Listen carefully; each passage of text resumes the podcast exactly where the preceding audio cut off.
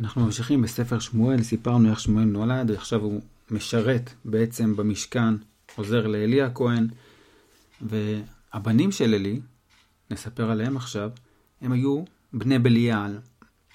הם פשוט לא ידעו את השם, לא, לא הקשיבו להשם.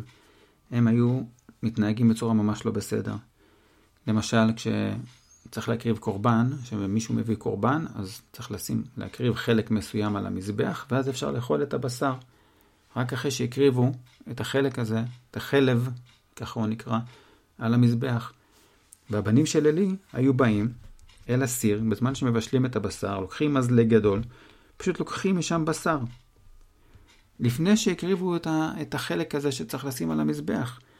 ואנשים היו אומרים, רגע, בוא, מגיע לך את החלק שלך, אני, באמת יש חלק שמגיע לכהנים, אתה תקבל את החלק שלך, רק קודם כל נעשה את המצווה, נשים את החלק שצריך לשים על המזבח, ורק אחר כך תיקח את מה שאתה צריך. אבל הם לא הקשיבו.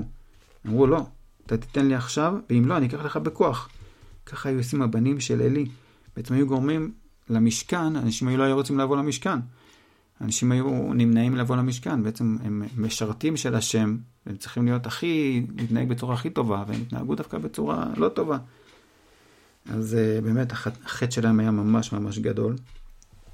לעומת זאת שמואל היה ככה עובד נער עם אפוד בד, אמא שלו עשתה לו מעיל קטן, וכל שנה הייתה מביאה לו, והייתה באה כל שנה. ועלי בירך את אלקנה ואת אשתו, ובאמת נולדו אחר כך לחנה עוד ילדים, עוד שלושה בנים ושתי בנות. וזה מה שהיה, שמואל היה במשכן, עוזר, והבנים של עלי היו עושים בעיות, הם גם מתייחסים בצורה לא טובה לנשים שהיו באות. ואלי היה אומר להם, לבנים שלו, למה אתם עושים דברים כאלה? אני שומע דברים ממש ממש רעים. עליכם. אתם בעצם גורמים לעם לא להגיע למשכן, אתם מעבירים אותו, שהוא לא יבוא למשכן. ואם אתם עושים חטא מול הקדוש ברוך הוא, מי יעזור לכם? אין לכם מישהו שיעזור לכם בעניין הזה, אתם ממש מול הקדוש ברוך הוא.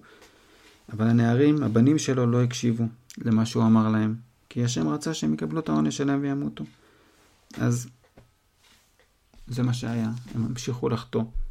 ושמואל לעומת זאת הולך וגדל וטוב גם עם השם וגם עם אנשים. ובאמת בא נביא אל עלי ואמר לו, תראה, אני בחרתי, הקדוש ברוך הוא בחר את הכהנים שיהיו ככה, יעבדו במשכן, יעשו, יהיו משרתים של הקדוש ברוך הוא, ואתם ככה גורמים ממש אה, דברים לא טובים.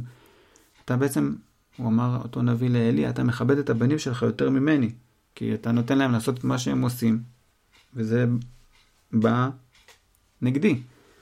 לכן הנביא אמר לעלי נבואה ממש קשה. הוא אמר לו שמה שיקרה זה שלא יישאר מהמשפחה של עלי אף פעם איש זקן. לא יהיה שם איש זקן, כולם שם ימותו צעירים. והסימן ש... ש... שזה באמת מה שהולך לקרות, ששני הבנים שלו, חופני ופנחס, ימותו באותו יום. זה סימן שהנבואה הזאת שהוא אמר תתקיים. והנביא המשיך ואמר, ככה יהיה לי כהן נאמן, שיעשה באמת מה שאני מבקש ולא יתנהגו בצורה כזאת. זאת הייתה הנבואה שהנביא אמר לעלי, נבואה מאוד מאוד לא פשוטה. וזהו, זה היה הפרק שסיפרנו על הבנים של עלי. נמשיך בפעם הבאה.